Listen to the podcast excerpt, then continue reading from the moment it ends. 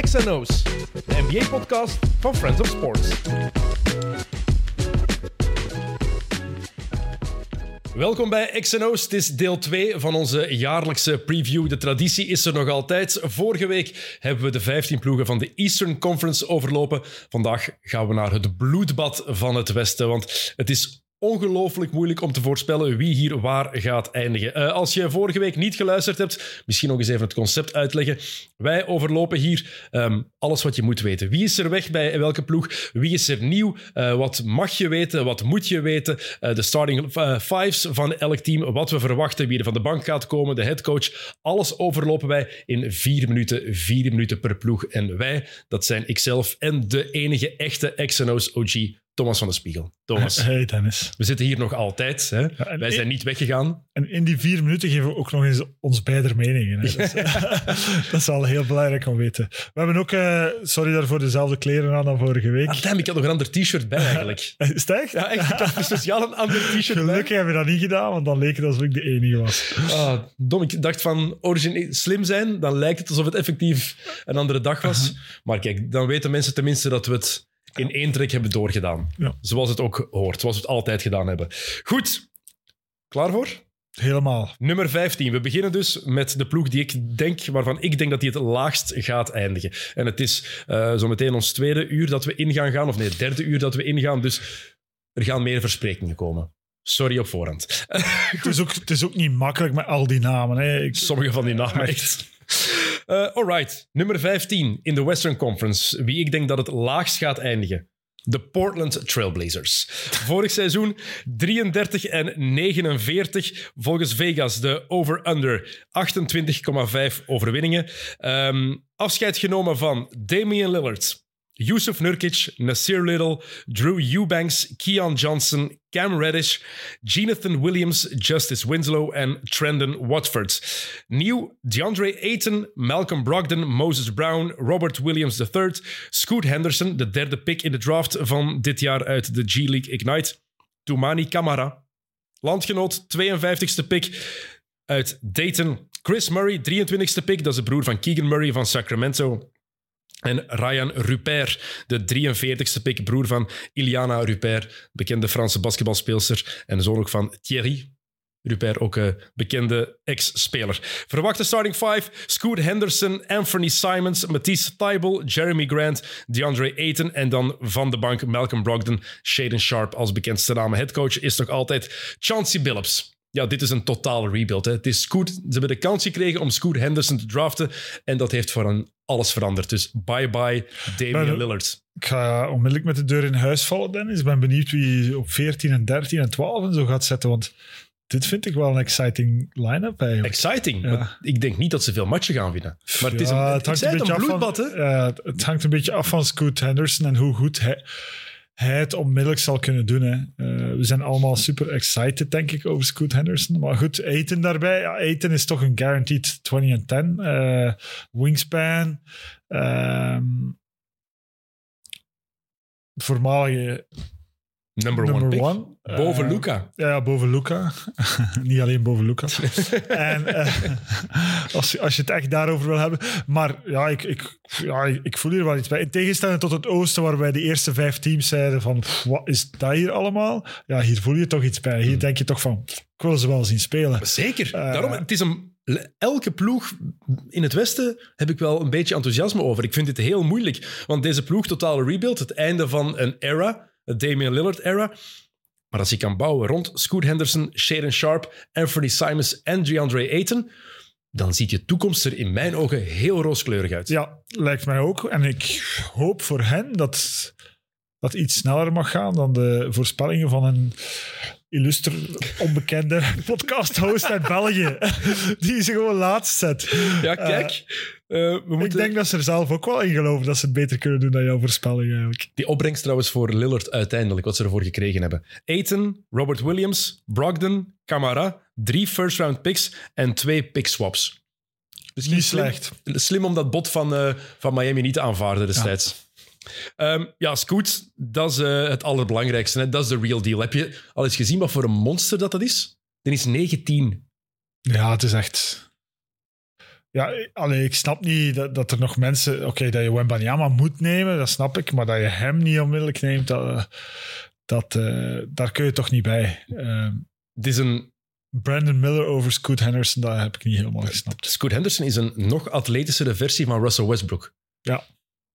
En het is heel moeilijk om een atletischer Ja. te zijn dan Ja, Westbrook. hè? Ik was mij iets aan het proberen mij voorstellen, maar het leek op NBA Jam.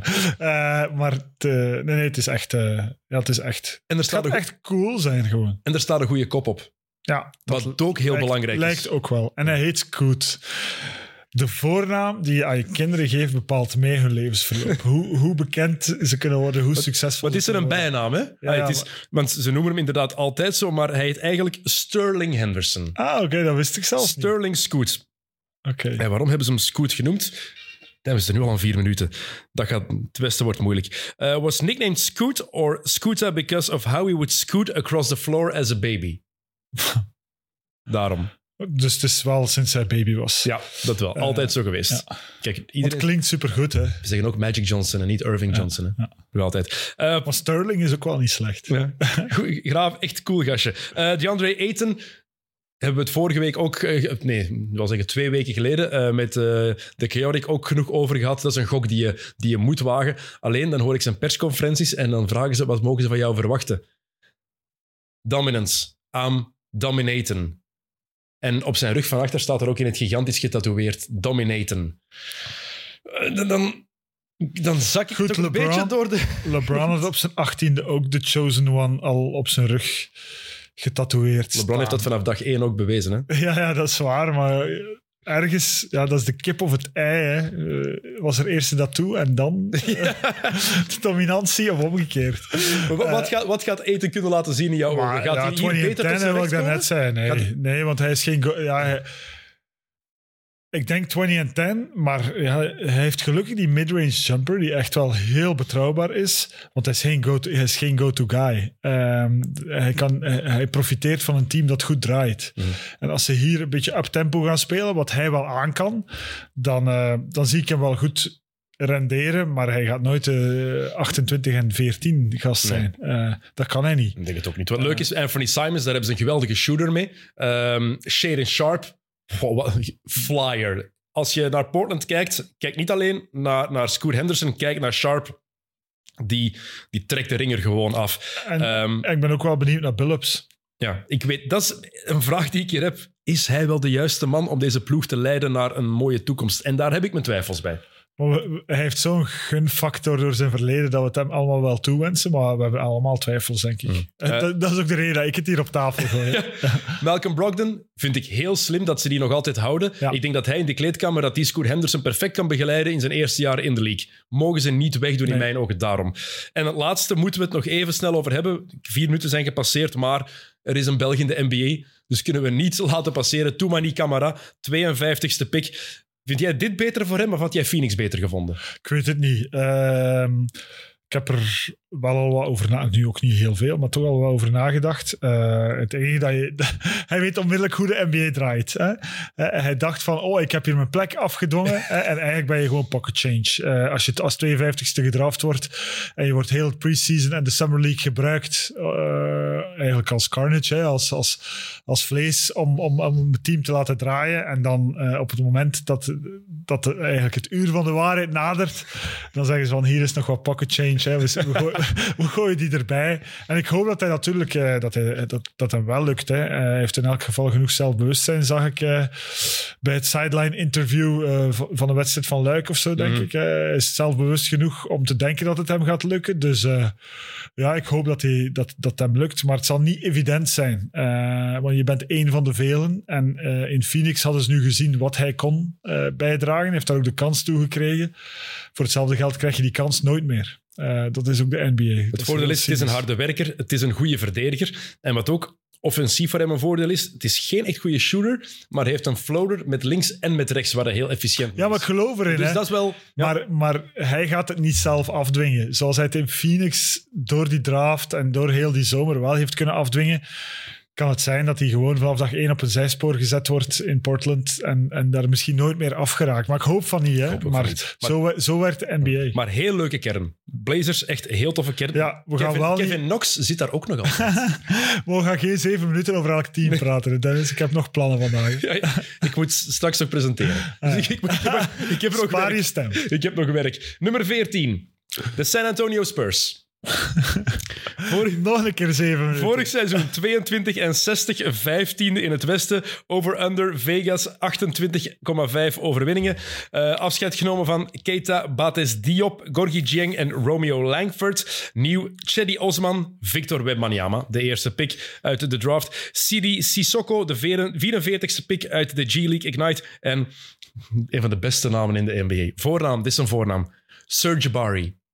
Een voornaam. Sir Jabari Rice. Echt geniaal. Hoe schrijf je dat? Eh, S-I-R, echt Sir, afkappingsteken, Jabari. Allee, wie komt erop? Dat is fantastisch. Eh, verwachte starting five. Trey Jones, Devin Vassell, Keldon Johnson, Jeremy Sohan en dan Victor Wembanyama. Gaat zeker starten. Eh, sixth man, dat is heel moeilijk. Het kan Devontae Graham zijn, Zach Collins of Malachi Branham. Die begint aan zijn tweede jaar. En dat is een gast die vorig jaar meer dan 30 matchen gestart is. Ehm, heel groot talent ook. Headcoach, uiteraard. Greg Popovich. Ja, hier draait alles maar rond één iemand. Hè. Dat is Victor Wembanyama. En dan is meteen de belangrijkste vraag.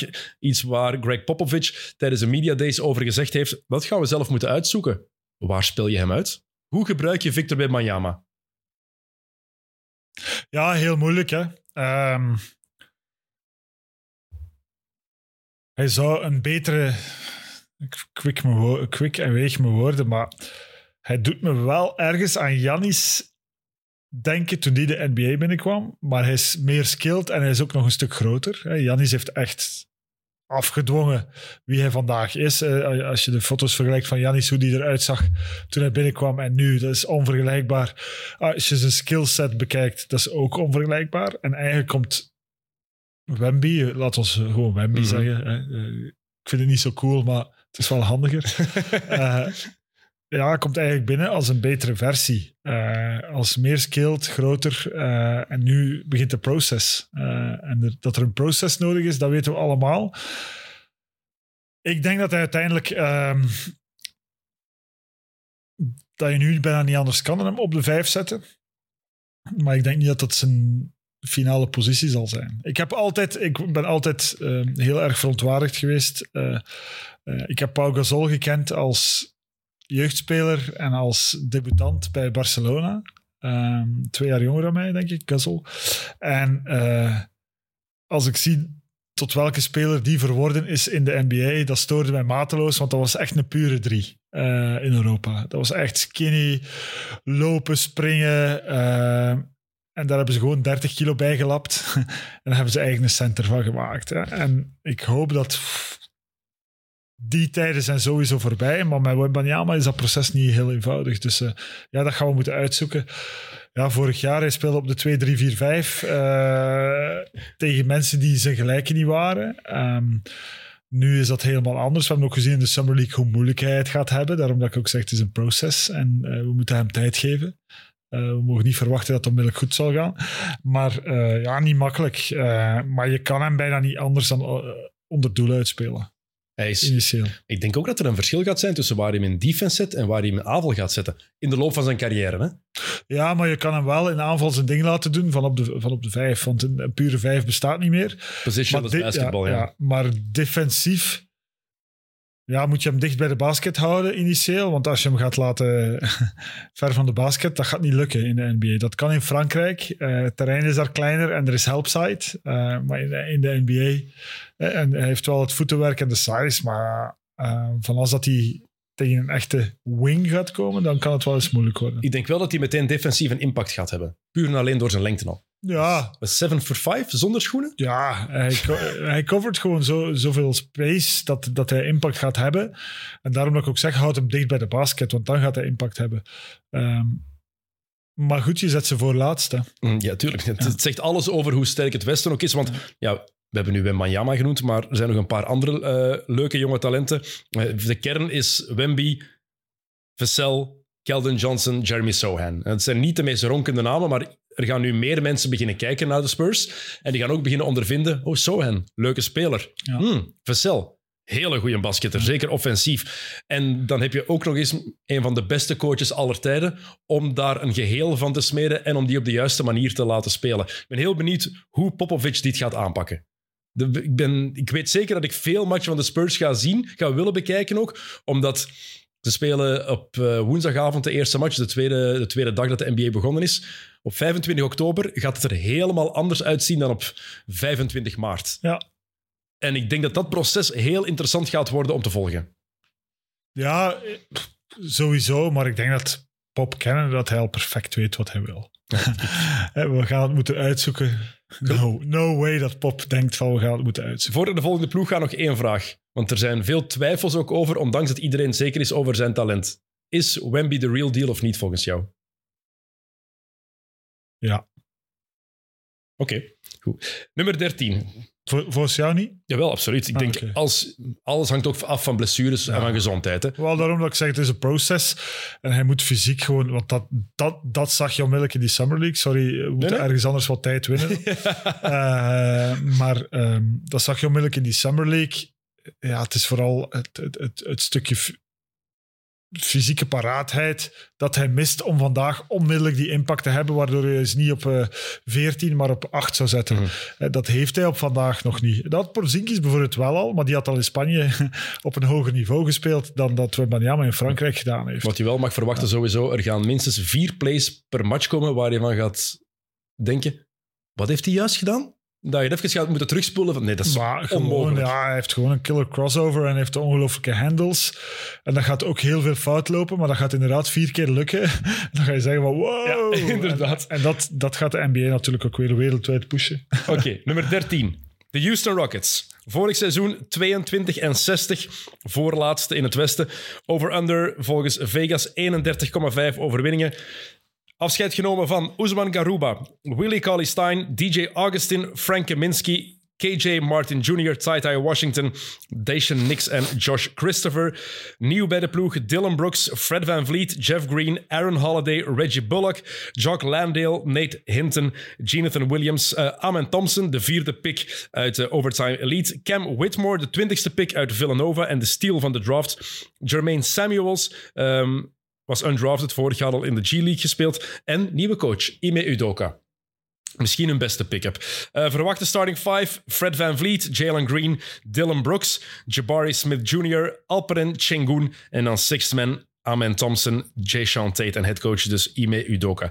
Eh, ja, Ime Udoka is terug en ik denk effectief, um, weet nog altijd niet wat daar precies gebeurd is in Boston, uh, maar over zijn kwaliteit als coach bestaan geen twijfels. En voor deze ploeg, met een paar veteranen die hierbij komen, het jonge talent dat daar is, is hij volgens mij de perfecte man op deze plaats. Ja, Boston heeft hem wel geslachtofferd. Hè. Het feit dat we nu nog altijd niet weten waarover het gaat, en dat is wel heel, heel vreemd.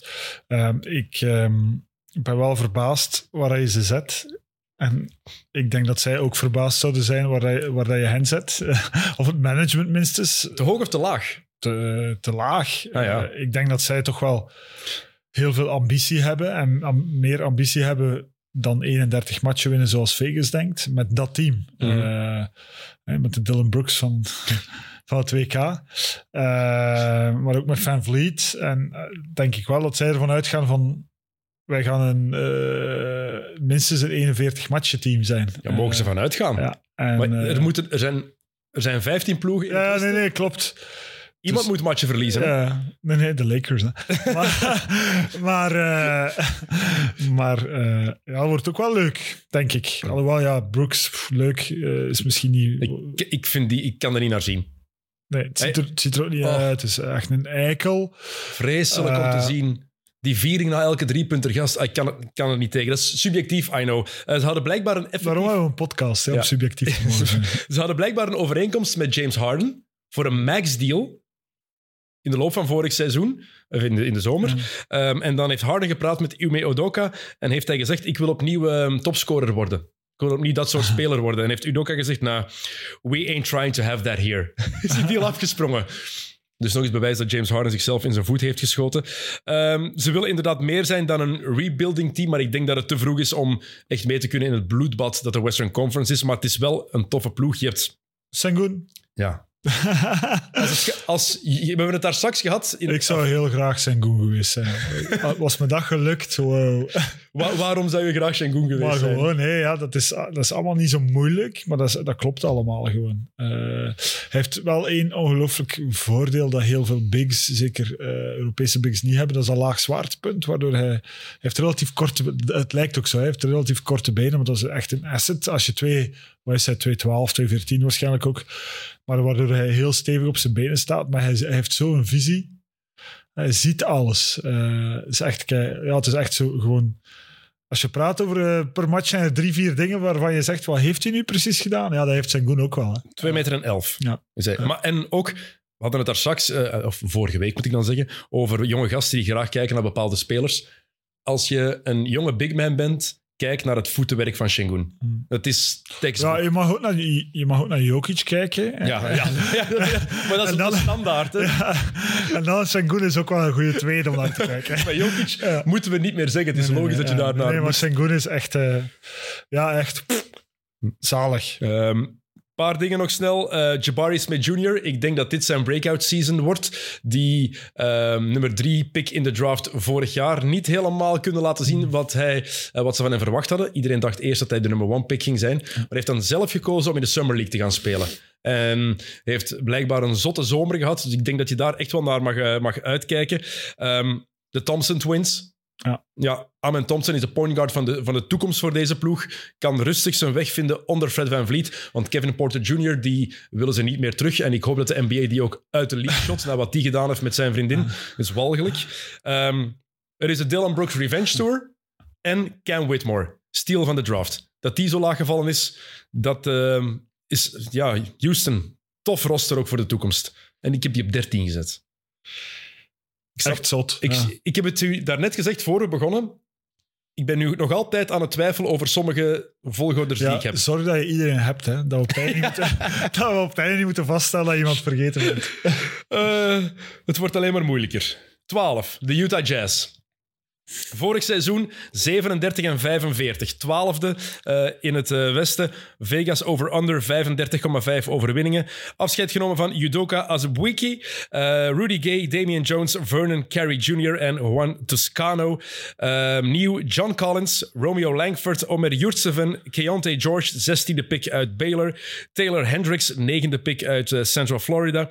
Bryce Sansaba, de 28e pick uit Ohio State. En de undrafted rookie Joey Hauser. Verwachte starting 5: Colin Sexton, Keontae George, Laurie Markkanen, John Collins, Walker Kessler, sixth man. Jordan Clarkson, Taylor Horton Tucker en headcoach de geweldige Will Hardy. Ehm, een van de verrassingen van vorig seizoen, zeker die eerste 40 matchen daarna logischerwijze teruggevallen. Eh, ze waren beter dan ze zelf hadden gehoopt, denk ik, vorig seizoen. Ehm, maar het Westen is gewoon te sterk in mijn ogen om met deze kern effectief mee te doen voor een playoff plaats. Ik stel me ook heel veel vragen. Laurie Markkinen vorig jaar, hè, eh, een van de most, was hij most improved? Was most improved player? Hebben we nu de echte Markkinen gezien? Of was het gewoon één seizoen waarin hij fantastisch was? Als we kijken naar hoe hij bij Finland speelt, dan was het de echte Markkinen. Ja, ik denk dat het de echte mark aan is. Dat zijn, dat zijn game ook heel fit was voor hoe zij speelde vorig jaar. En dat dat nu niet anders zal zijn. Ehm, ik vind ze heel moeilijk in te schatten. Ja. Eh, eh, je kan ze even onder de vorige teams. Eh, Het is heel moeilijk. Eh, Dat is de rode draad van de. Western Conference. Heel moeilijk. Sexton, Sexton, ja, weet je, ja, nee, het is. Eh, Oh, dat is de reden dat ik ook denk dat ze geen playoff ploeg kunnen zijn. Als Colin Sexton je point guard is, dan... wel, dat was waarom ik eh, stil viel. Ehm, ja, ik vind het gewoon een super moeilijk team om te beoordelen. Maar Markkanen, ja, graag. Eh, Maar bij John Collins, die twee, wel, Markkanen ik, op de drie. ik wil over John Collins beginnen, hè, want eh, eh, ja, met- met John Collins samen, dat eh, is vreemd. Ja, want Walker Kessler Vorig jaar hebben we gezien de impact die hij defensief kon hebben op die ploeg. Dat was heel duidelijk. Die, hij was gewoon een, een anker eigenlijk daar inside. Maar dan zit je met een gigantische drie met, met Markkanen, met Collins op de vier als flyer en dan Kessler die daar staat als, als boom, bij wijze van spreken, maar als bewegelijke boom. Ik zie daar geen synergie in, maar ik zag vorig jaar ook geen chemie in die ploeg. En ze hebben het tegendeel bewezen, ook al waren ze maar twaalfde. Dus eh, goed gedraft. En dan John Collins binnengehaald. En Keontae George kan wel eens outsider zijn voor, eh, voor Rookie of the Year. Hou hem in de gaten, Keontae George. Ik denk Daarom- dat we hier wat tijd kunnen terugpakken. Eh, wat heb ik nog? Eh, Will Hardy. Daarom is Ja. het ook leuk om naar, naar de Jazz te kijken. Will Hardy laat zijn ploeg heel leuk spelen. En er is een reden dat ze bij Boston nog altijd pissig zijn dat Danny Ainge die is gaan halen. Ja. En Danny Ainge die zit nu bij, bij Utah. Ik denk dat Utah niks, gaat, niks echt deftigs gaat worden. En wat jij zegt, kunnen evengoed op de voorlaatste plaats eindigen. Maar langs de andere kant zie ik dan ook weer ineens... nee. Ach nee, nee, ach, straks. Niet in dit Westen. Niet, nee, dat is het probleem. Niet in dit Westen. Oké, goed. We zitten toch aan vier minuten. Nummer 11. De New Orleans Pelicans. Vorig seizoen 42 en 40, ehm, negende en verloren in de eerste play-in tegen OKC. Vegas over-under 44,5 overwinningen. Weg Jackson Hayes, Josh Richardson, Garrett Temple en Willy Hernan Gomez. Die is weer naar Europa. Nieuw Cody Zeller, Malcolm Hill, Jordan Hawkins, dat is de veertiende pick uit Yukon. En dan Kaiser Gates, undrafted rookie, speelde vorig jaar in de G-League.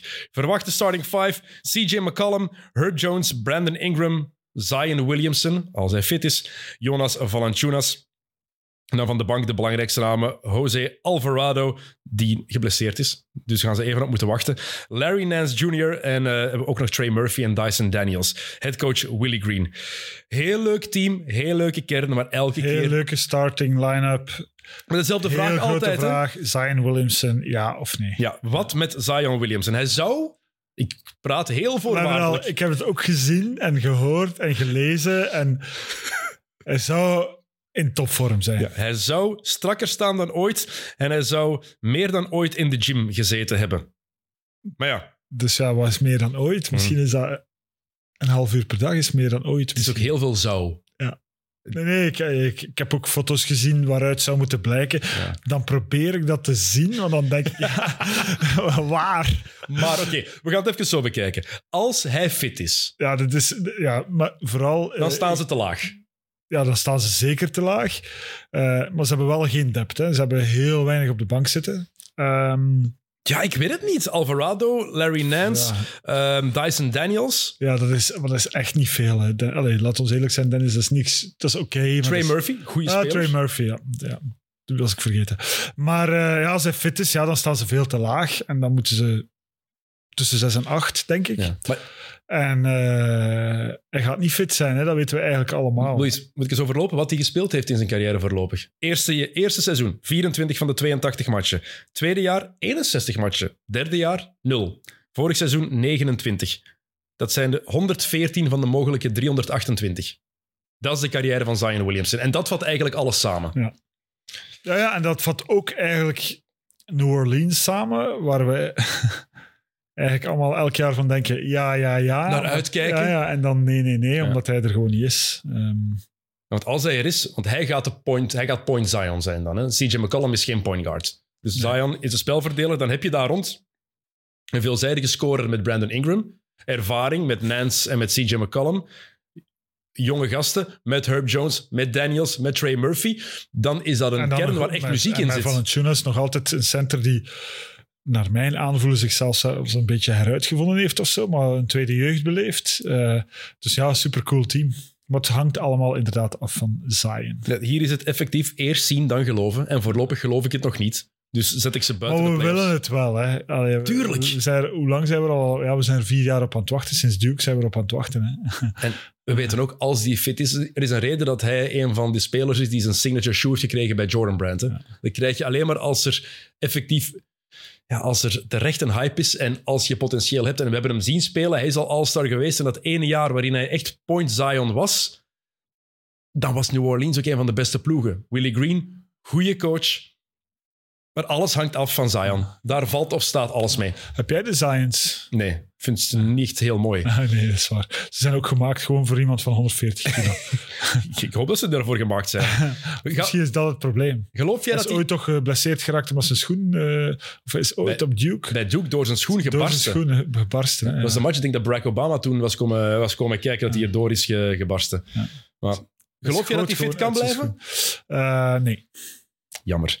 Echt jammer. Jij wel? Vind ik vrees ervoor. Ja. Ik, ik ben er altijd positief over geweest, omdat ik ook dacht aan Charles Barkley heeft het kunnen doen. En er was ook zo, zo'n... Ja, Type? maar er is toch nog een verschil een in verschil, explosiviteit en gewicht. En, Hm. eh, Goed, nummer 10. De play-ins zitten we nu aan. Het wordt alleen maar moeilijker, hè? dat is het probleem. Hè? ja, dat is jouw probleem. je, je het eigenlijk gemakkelijk, jij kan mij gewoon afslachten. Oké, nummer 10, de LA Clippers.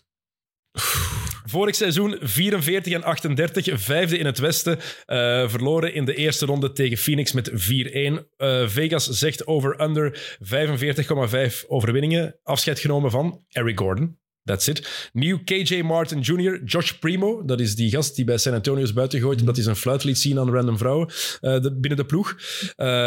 Echt geen grap, hè? Eén vrouw. Ik heb meerdere, had ik is toch met gelezen. de, met de sports psychologist? Ja. Ah, de kinesisten ook, dacht ik. Ah, oké. Broderick Thomas, eh, Kobe Brown, dat is de dertigste pick uit Missouri. En Jordan Miller, de 48ste pick uit Miami. Eh, verwachte starting five, Russell Westbrook, Paul George, Kawhi Leonard, Marcus Morris, Ivica Zubac, Sixth Man Terrence eh, Mann, Bones Highland of Nicola Batum. Die aan zijn laatste jaar begint, dacht ik. Headcoach Dat is, wordt eh, wel tijd. Headcoach is Tyron Lue. Kijk, vorig jaar weer een teleurstelling. En dat is, ik durf nooit meer op de Clippers gokken. En dat staat los van hun kwaliteiten. Om te weten, het talent goed, van Paul George en Kawhi zijn- Leonard is er. Ze zijn vijfde geworden en jij zet ze nu op tien. terwijl eigenlijk niets veranderd is. Nee, maar de rest, de andere ploegen zijn wel veranderd. Ah, oké. Ja, er komen nog ploegen hierna. Ja, ja. Maar Maar je kan gewoon ook niet rekenen op Kawhi Leonard en Paul George. Eh Kawhi was fantastisch Qua na de? All-Star break. Qua fitheid, Ja. hè? Ja, ja. Qua basketbalvermogen wel, hè? Ja. Eh, Kawhi was fantastisch na de All-Star break. Fenomenaal in de eerste twee matchen van de playoffs tegen Phoenix. We keken allemaal uit. Kawhi tegen KD, ja. Valt geblesseerd uit. Weer een knieoperatie ondergaan afgelopen zomer. Is hij nog altijd van aan het herstellen. Paul George van eind maart uit tot het einde van het seizoen. Na die blessures en operaties beginnen zich op te stapelen. Hè. Na een tijd haal je gewoon een bepaald niveau niet meer. nee, nee, klopt. Plus, het zijn niet zomaar blessures. Hè. Het zijn echt heel ernstige blessures dat ze allebei al gehad hebben. Ehm, maar goed, je weet nooit. Hè. We zijn net over. Het is een beetje jammer dat we van de Zion-discussie in de Kawhi Leonard-Paul George-discussie moeten belanden en eigenlijk terug moeten concluderen van ja, we weten het niet. We hopen dat ze fit blijven. Maar weten we het echt niet bij deze, bij deze twee spelers? Ja, we denken, ja, ze gaan niet heel het jaar spelen. Hè. En zelfs als ze fit zijn, kun je ze niet heel het jaar laten spelen. En Hoe oud Kawhi- zijn ze nu allebei? Goeie vraag. Dus de leeftijd er niet eens kijken. Ehm, wat, dit- wat heeft, hoeveel watje denk je dat ze samen gespeeld hebben in vier seizoenen? Met twee op een veld gestaan hebben. Waarschijnlijk ga je nu minder zeggen dan het er uiteindelijk zijn. Ja, 120 matchen. De 142. Ja. Goeie gok, hè? Dat is nog altijd... Dat is niks, hè? Nee, nee, dat is waar. In vier matchen. Zeker. minder dan de helft van de matchen. Ja, Je, het is, hier hebben ze op ingezet. Steve Ballmer heeft gezegd, dit moet het de, zijn. dat was de one-two punch. Hè? Tuurlijk. Eh, Paul George is van 1990 en Kawhi van 91. 33 en 32. Ze, het lijkt alsof ze er al 20 jaar zijn, allebei. Hm. Dus eigenlijk zouden ze in theorie nog een paar goede jaren moeten hebben, maar we weten dat dat niet zo gaat zijn. Ehm, Dit is, er is geen groter wat als team dan deze Clippers. nee, in mijn ogen. Ehm, er zijn ook die nieuwe policies waarin ze ja, spelers mogen niet meer zomaar rusten. Hè. Ze hebben load management proberen aan te pakken. En Kawhi heeft al gezegd van ja, no league policy is helping me play more games. En ik voel me niet verplicht om elke match te spelen. Ik vind van dat, Kawhi. De, de man die load management uitgevonden heeft, denk ik. en ik snap het, want hij zegt van ja, ik speel enkel niet als ik geblesseerd ben. Ja, maar wat is geblesseerd in het geval van Kawhi? Dank u. Eh, Coach van Kers zei het altijd heel mooi. Je hebt gekwetst zijn en geblesseerd zijn. En ik snap perfect wat hij daarmee bedoelde. ja, zeker in het geval van Kawhi. Want Het is- eh, Kawhi heeft mental eh, health op de, op de agenda gezet in de NBA ooit nog. Dus Ehm Tyron Lue heeft ook wel gezegd ehm, dat ze nu deze zomer eindelijk beseft hebben dat het reguliere seizoen ook belangrijk is. Wie? Ty Lue heeft gezegd dat ze dat nu beseft hebben. Eh, ja, we gaan dat... we gaan dat negeren. Kijk, geen idee waar deze ploeg naartoe gaat, behalve naar een nieuwe zaal. Want het is het laatste jaar dat ze in het, eh, het stadion gaat spelen dat we vroeger kenden als het Staples Center. Ja, en ik ben wel eh, geen fan van de Clippers, maar ben wel fan van Steve Ballmer Ja. eigenlijk. Steve ik- Ballmer... Ik weiger dat ook crypto.com te noemen. Hè. Ja, ja. Maar, maar Steve Ballmer heeft wel het ownership in de NBA samen met Mark Cuban eh, naar een ander niveau gebracht, eh, waar we eigenlijk allemaal wel van genieten. Steve Ballmer fantastisch. Ik vind het nog altijd jammer dat hij die nieuwe zaal gebouwd heeft en dat hij niet gewoon de Clippers naar zijn thuisstad heeft gebracht. Hij komt van Seattle. Kom aan, maat. Het is wel een kans. Maar goed. Nummer 9. De Minnesota Timberwolves. Dat ging dan de Seattle Clippers wel geweest zijn. Hè? Je kunt Ja, wel, dat niet de Seattle Supersonics noemen. Hè? Van naam, wel, dat mag je natuurlijk van naam veranderen. Hè. Want het is ook OK- Oklahoma City Thunder geworden, niet eh, Oklahoma City Sonics. Hè. Ja. Eh, Minnesota, vorig seizoen 42 en 40. Waren zevende, achtste na de play-in. Eh, verloren in de eerste ronde tegen Denver met 4-1. Over-under in Vegas 44,5 overwinningen. Wie is er vertrokken? Torian Prince, Austin Rivers, Jalen Noel en Nathan Knight. Wie is er nieuw? Shake Milton, Troy Brown, Dacian Nix, Vit Krejci, Tyrese Martin, Jalen Clark. Dat is de 53ste pick uit UCLA. En Leonard Miller, de 33ste pick uit de G-League Ignite. Starting five, Mike Conley, Anthony Edwards, Jaden McDaniels, Carl Anthony Towns, Rudy Gobert en dan van de bank Kyle Anderson en Nas, Nas Reed als belangrijkste namen. Headcoach, ex-Belgisch kampioen Chris Finch. Negende, zeg je. Ik zeg negende. Ik snap het. Blij om dat te horen. Ja, voor één keer. Voor één keer. Ik voel het niet. Ah, ik voel het vorig jaar al niet, ik voel het nu niet. Anthony Edwards, Cat en Gobert in één team. Ik voel het niet. Het, ligt, het gaat zeker niet aan Anthony Edwards liggen, want vorig jaar heeft hij al een stap gezet. Ja, was ik- de ik- beste man bij Team USA. By far. Eh, eerlijk, die heeft, allee, heeft jou misschien verbaasd, heeft mij verbaasd. Ik zag het niet komen dat hem zo goed kon zijn. Eh, maar ik voel het niet, ik zie het niet. eh, en het ligt niet aan Ed- Anthony Edwards, maar die twee anderen, ja. Als ik, ik denk als ik nu tien jaar oud zou zijn geweest, dat Anthony Edwards misschien wel mijn lievelingsspeler in de NBA zou kunnen worden. Dat is zo'n gast waar je volledig van betoverd kan geraken. De kwaliteiten die hij heeft, atletisch, maar ook gewoon basketbaltechnisch, die kan alles, die gast. Ja. Alles. Ja, en hij is ook zelfbewust genoeg om het aan iedereen ook nog een keer te vertellen dat hij alles kan. Eh, maar terecht, nee, nee, ik ben, ik ben het volledig eens. En eh, als, je, als je daar dan eh, uit die drie iemand moet gaan halen, waar dat we toch allemaal met z'n allen pff, vaak in ontgoocheld geweest zijn, dan is het niet Gobert, maar dan is het Carl Anthony Towns. Gobert is Gobert. En daar ga, je, ja, daar ga je nooit een andere speler van maken van diegene die hij is. En die kwaliteiten heeft hij maximaal uitgebuit eh, financieel. En dan moet je hem eh, eh, niet kwalijk nemen. Maar Cat, ja, is gewoon geen winnaar. Hè? En daar hebben er zich al veel. terwijl we hem allemaal graag bezig zien. En ehm, ja, het gaat, het gaat het niet worden. Je voelt dat die chemistry niet goed gaat zitten. En zegt Eh, ook zo de domste dingen. Wat had hij weer gezegd? Wat wij gedaan hebben in de plane is indrukwekkender dan wat de Nuggets gedaan hebben toen ze de titel gewonnen hebben. Ja, gast, met alle respect, maar scheid een pak omhoog. Echt, allee, als je zo'n ignorant dingen gaat zeggen... Het zijn de play-ins. De play-in match winnen. Ja. Ja, zwart. Ehm, hou Cats, Carl Anthony Towns wel in de gaten als het gaat over trades. Want dat is echt wel een optie. Eh, er komt een nieuwe eigenaar aan. Wel, dat is wat we nu zeggen eigenlijk. Hè, van, dat is diegene die er eigenlijk... Als je, als je nu iets wil bereiken met eh, Edwards en Gobert, dan moet je voor, voor Cat moet je wel nog iets kunnen krijgen. Maar is dat wat je zou willen? Ik zou liever van Gobert afgeraken, want ik denk dat Cats en Anthony Edwards beter samenpassen qua speelstijl. Maar niemand gaat Gobert willen. Hè? Niemand gaat dat contract opnemen. Dat is, dat, is, dat is een steen rond uw nek gewoon. Eh, ja, maar het hangt er ook vanaf wat je voor Cat kan krijgen natuurlijk. Eh, Gobert kan heel nuttig zijn. Hij heeft hem ook in Utah bewezen. Mhm. Als er van hem niet veel verwacht wordt, eh, eh, aanvallend. En als iedereen blij is met 12, 14 punten, waarvan vier dunks en de rest vrijworpen, hè, want hij gooit zijn vrijworpen wel binnen. Eh, Maar dan mag hij de bal ook niet verwachten in de post. En dat doet hij wel vaak. Hij wil die post-touches af en toe wel hebben. Ja, Dat- mag je met- daar moeten we van af. Ja, Eh, maar dat hangt ook een beetje af van... Hij mag eigenlijk maar de vierde optie in aanval zijn. Hè. Nu moet je voor, voor, eh, voor Towns moet je twee betere aanvallende opties krijgen. Hm. En dan kan je wel iets doen.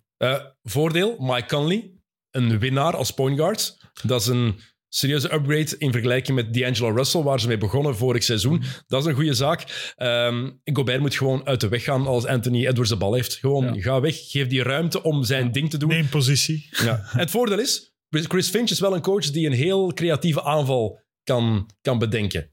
Dat is echt wel een hele slimme coach, heel hoog aangeschreven, heeft hij al wel bewezen. Dus ik denk dat hij daar wel een manier voor kan vinden.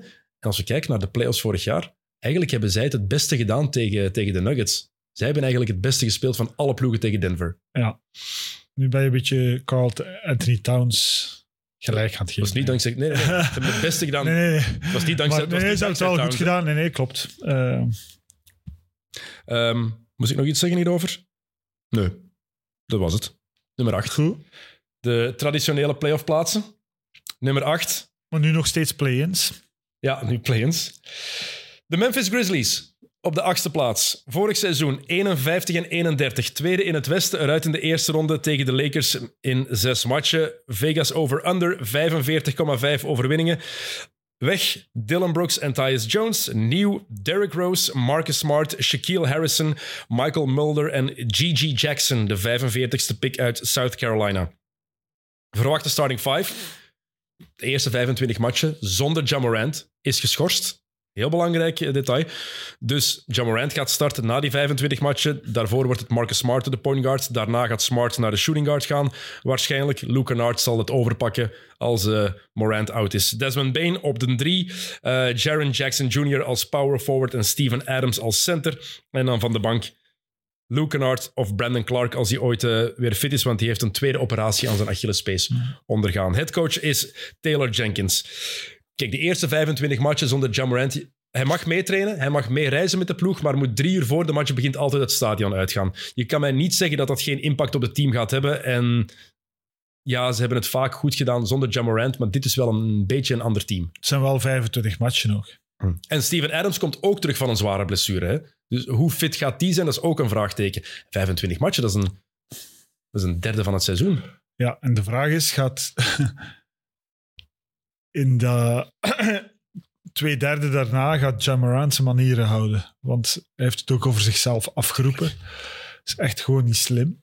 Ehm, hij kon de volgende superstar zijn en nu wordt hij teruggezet naar eh een marginale ghetto-gast, eh, waar iedereen naar kijkt van ja, maar, hè, en dat was totaal niet zo, hij was de next best thing. Ehm, dus ehm, ja, moeilijk. En ik snap nu waarom dat je ze daar zet. Omdat je echt... Het is super... je- eigenlijk ga je er hier nog van uit dat ze het heel goed gaan doen na 25 matchen. En omdat er een defensieve stabiliteit is met Die- Marcus ja, Smart zijn. en met ehm, Steven Jaron Jackson Jr. en. Desmond Bain. En ik geloof ook in Desmond Bain, een van de meest onderschatte spelers in de NBA. Maar hij heeft wel Morant nodig. Hij heeft iemand nodig die creëert. Ja. Ehm, hij heeft een beetje... Hij, hij is niet helemaal eh, afhankelijk van catch and shoot. Maar hij heeft wel iemand nodig die, die de druk wegneemt, waardoor hij wat ruimte krijgt. En, eh, maar het is wel een sniper. Ja, Wow. echt. En, en die zijn armen. Ja. Een sniper. Even, als het over guns gaat, Ja. dat is belachelijk, die Hoe, gast. hoe dat je zo... Vroeger, allee, toen wij jonger waren, zeiden ze altijd, je moet niet te veel fitnessen, want je gaat je shot kwijtgeraken. Bij deze ontkracht. dat is echt- Eh, mocht fitnessen zoveel je wilt, blijkbaar blijft je balgevoel. Eh, gaat Jaron Jackson Jr. zelf ook zijn aanval kunnen creëren? Want dat is iets wat hij nog altijd niet helemaal had. Hè? Denk ik niet. Je gaat die rebounds beginnen pakken, want vorig seizoen deed, dat in, in, deed hij dat in de NBA. Op het WK nog geen drie rebounds per match. Ja, hij gaat wel zijn ding doen. Maar offensief, hij gaat de go-to-guy moeten zijn voor de eerste 25 matchen. Dat kan hij niet, lijkt mij. Dus de eerste 25 matchen gaan echt puur op systeem. Eh, terugvallen op het defensief systeem, terugvallen op... Ik zie geen high-scoring games eh, bij Memphis in de Ja, maar daarom, Taylor Jenkins, dat is ook een van de redenen dat ik ze wel op 8 heb gezet. Omdat Taylor Jenkins, dat ik die zo hoog inschat. Goed, als er 10 kunnen winnen van de eerste 25, dan zijn ze goed. Hè? Ja, exact. En dan kan Morant erin komen. En het voordeel hoop ik, daar ga ik toch vanuit, dat Morant nu effectief zijn les geleerd heeft. Ik hoop dat hij ook braaf op zijn hotel blijft als hij meereist met de ploeg, dat hij niet gaat feesten en zo. Want hij gaat, iedereen gaat hem constant beginnen De- filmen ook. de- Alles wat hij doet, De vraag stellen is, lijkt me ze beantwoorden. Hij gaat niet op zijn, in zijn hotelkamer blijven zitten. hè, Dennis. Die het vergrootglas op die- Morant wordt alleen maar groter. Ja. Hè? Alles wat hij gaat doen, iedereen gaat hij constant in de gaten houden. Ik hoop het voor hem dat het hierbij blijft. Uh, maar zijn kwaliteiten zijn er nog altijd. Het is zo'n ja, generational talent. Het is zo'n waanzinnige speler dat ik denk dat hij in die, wat is het, zeven, uh, 57 matchen daarna, dat hij daarin zo'n grote impact kan hebben dat Memphis effectief gewoon uh, zeker de Maar top 8 kan we halen. hopen het allemaal. En we hopen niet dat we Gilbert Arenas vibes gaan hebben of zo. Stel je voor. Na zijn carrière. Nummer 7. De Dallas Mavericks. Vorig seizoen 38 en 44, grootste ontgoocheling van de hele NBA, 11e plek. Vegas zegt over-under 44,5. Wie is er vertrokken? Davis Bertans, Christian Wood, Frank Nilikina, Reggie Bullock, Justin Holiday, Theo Pinson, McKinley Wright en JaVale McGee. Wie is erbij gekomen? Seth Curry, Rashawn Holmes, Grant Williams, Derrick Jones Jr., Dante Exum, Greg Brown, Joe Wieskamp, Derek Lively II, de 12e pick uit Duke, Olivier Maxence Prosper, de 24e pick uit Marquette en Mike Miles Jr., undrafted rookie uit TCU. Verwachte starting 5, Luka Doncic en Kyrie Irving, Tim Hardaway Jr., Grant Williams, Dwight Powell en dan van de bank Maxi Kleber en Seth Curry. Headcoach Jason Kidd. Hoe lang gaat het hier duren voor Kyrie Irving het verpest? dat, is de, dat is de belangrijkste Ik vraag. dacht dat je ging beginnen met hoe lang gaat het duren voor Jason Kidd buiten vliegt. kan ook, kan ook eerder gebeuren. Kan ook eerder gebeuren. Uh, maar... Uh, Als we geen ja, grootste ontgoocheling. Ja. Um, ook door Luca, denk ik, maar ook door Kit en ook door het hele systeem. En los van Kyrie, ze zijn zo kwetsbaar. En uh, ja, we zien elke week een highlightfilm van Luca, maar het is geen winning basketball. En je kan daarmee top 5 halen in het Westen, maar je kan daar nooit iets anders mee doen dan top 5 halen. Dat is, dat is ook je plafond. Uh, en Kyrie kan daar iets aan toevoegen, maar we weten allemaal, uh, we hebben in de, de, vorige aflevering over het Oosten hebben we het heel lang over Harden gehad. We kunnen hier heel lang ook over Kyrie en over wat hij allemaal geprobeerd heeft de voorbije jaren om ervoor te zorgen dat hij vooral geen impact meer gaat hebben. Ja, dat is, uh, de lijst is ellenlang en, en, en dat is het grote vraagteken ook hier, want op papier als je dat hier voorleest, plus ook met Kleber van de bank. Wie komt er nog van de bank? Seth Curry. Uh, Seth Curry van de bank. Dat is echt, dat wow, wie heeft dat? Uh, maar uh, ja, de vraag is, hoe, kun, hoe kan je uh, Irving Doncic, hoe kan je dat laten werken? En hoe kan je af van dat, van dat Luca-bal? Want dat Luca-bal is echt niet om aan te zien. En het doet ook afbreuk aan de speler Luca Doncic. Die trouwens... Uh, uh, ook nooit meer in de gym gezeten heeft. Hè? Net zoals Zion Williamson dan deze zomer, denk ik. Want ik heb hem nog nooit, sinds hem naar de NBA gegaan is, nog nooit zo scherp gezien als, hem, als hij op 2K was. Ja. Tijl is hem tegengekomen en heeft gezegd effectief dat hij er heel slim uitzag. Heel strak. dus effectief niet van op een foto, maar gelukkig iemand effectief tijl. gezien ja, heeft. Ja, ja, maar ja, dat is heeft altijd hem gemakkelijk. Heeft hem gevoeld? ik denk dat hij dat niet durfde. Um, maar dat is, maar hij was niet sympathiek, heb ik gehoord. Nee, blijkbaar. Ja. Straf, hè? Ja, Tijl verweet hem een beetje dat hij niet sympathiek was, maar als je Luca Doncic zei, krijg je volgens mij duizend keer per dag de vraag... Maar daarom, van... hij had naar daar moeten gaan zeggen, maak een foto, hier is een pint. En was ja. opgelost geweest. Ja, maar nu met zijn nieuwe levensstijl misschien... Misschien, uh... misschien niet. Um, want je zegt net, Luca Bal, het werkt niet als je succes wil hebben in het Westen, maar wel om de top 5 te halen. En dat zegt eigenlijk alles over het talent van Luca Doncic. Over hoe goed hij is. Dat het toch lukt om een top 5 ploeg te worden. Ik heb ze nu op 7 gezet, maar zo goed is Luca Doncic. Maar Luca Bal, als je dan bekijkt, vorig jaar 84,7 procent, dus 85 procent van zijn shots kwamen allemaal zonder assist. 85 procent zonder enige hulp. Dat is gewoon... Dat is ook niet hoe ik naar Luka Doncic keek toen hij in de NBA kwam. Toen was het toch een... Ja, jij hebt hem meer ja. dan ik zien spelen bij Real. Ja, dat is gewoon... Dat is, gewoon, dat is daarom dat ik zei, dat is afbreuk doen aan de speler die hij is. Uh, en, en, en hij heeft een coach nodig... hem daarvan overtuigen gaat niet moeilijk zijn. Hè? Want in Slovenië speelt hij eigenlijk minder, minder ook zo, maar minder zo. Um, maar maar ja, hij heeft gewoon het gevoel en hij wordt daarin bevestigd dat er niemand is rond hem op wie hij kan rekenen. En Irving zou een perfecte match kunnen zijn, moest het niet zo een nutcase zijn uh, om dat te doen. Want, want uh, ja, dat, dat, kunnen de Clay en, uh, en Steph van Dallas zijn, in theorie. Ja. Alleen heb je daar een coach voor nodig die dat snapt. En heb je natuurlijk een Clay nodig, als, als we Doncic als de Steph bestempelen. En dat is, ja, dat is Irving ook niet. Dus ja, jammer eigenlijk. Want eigenlijk een waste, want je wil Luka Doncic toch voor de titel zien spelen. Je wil hem toch in de big games zien. Maar als je het ook bekijkt, als je dit op 2K hebt, je zegt van Luka en Kyrie samen, feest. Ja. Want wat een offensieve weelde is dat. Kyrie Irving en Luka Doncic, twee van de meest getalenteerde spelers ooit in offense, en die kunnen samen in een ploeg spelen. Dat zou... Ik zou dit nooit maar op zeven mogen zetten. Gewoon door die twee alleen, want die zijn zo goed. Ja. En we gaan ook geweldige offensieve explode zien. Hè? We gaan fantastische matchen van Dallas zien ik geloof gewoon niet dat er een constante in kan komen om effectief mee te doen voor een top 4 plek in het, uh, in het Ja, Westen. En, en ze zijn ook een ploeg, en dat is misschien mijn gevoel, heel erg van streaks. Hè. Ze hebben dan een, een positieve streak, maar dan zijn ze plots weer een paar weken minder goed. En dat hangt heel vaak samen met hoe goed of hoe slecht Luca is op dat moment. En, uh, en ja, daar moeten ze van af. Hm. Wel, to- eigenlijk de, misschien de beste referentie is James Hardenball in Houston een paar jaar geleden. Hè. Ja, dat, dat leek er niet naar en dat werkte ook. En dat is wat dat Dallas probeert. maar dan had je Mike D'Antoni, die daar een bepaalde... Ja, dat was een filosofie, ja goed. Ja, nee, maar, oké, maar dat werkt. Ik geloof wel dat hij daar iets beters van kon maken dan wat Jason Kidd kan met deze ploeg. Ja. Daar geloof ik wel in. Maar Eh, Jason Kidd is nu ook niet, en we zijn er ook mee begonnen, is nu ook niet de coach waar we alles bij heel hard altijd al in geloofd hebben. Twee seizoenen geleden had hij nogthans wel daar echt een defensieve identiteit in geïnstalleerd. Die is dan vorig jaar volledig weggegaan. Dus ik ben benieuwd wat het nu wel kan. Want Grant Williams is daarbij. Vind ik een hele goede Ja, pick-up van Dallas. Echt heel goed gedaan dat hij erbij komt. Dante Exum terug in de NBA. Heeft het in Europa goed gedaan. Ja. Ja, Jaden Hardy, leuke X-factor trouwens. eh tweedejaarspeler, toffe gast. Maar dit wordt, ja, dit wordt offense first. Want ja, de ring die gaat beschermd moeten worden door Powell, Holmes en Lively. Mm, Ik weet niet of dat eigenlijk genoeg is. Ehm, maar veel vraagtekens. Het Westen is eigenlijk gewoon heel veel vraagtekens. Maar ik en hoor zoveel ook- talent. Ik hoor ook de hele tijd hè, dat je de ehm, over-under van eh, Vegas geeft. hè, en die is allemaal 44, 45. Dus die mannen denken ook van trek jullie plan. Ah. We zullen het wel zien. Het Westen, Eh, eh, Vegas, je kon dat zelfs niet volgen. Want volgende ploeg. Sacramento Kings. Vorig seizoen 48 en 34. Derde in het Westen. Eruit in de eerste ronde tegen de Warriors in zeven matchen. Vegas. Over-under 44,5.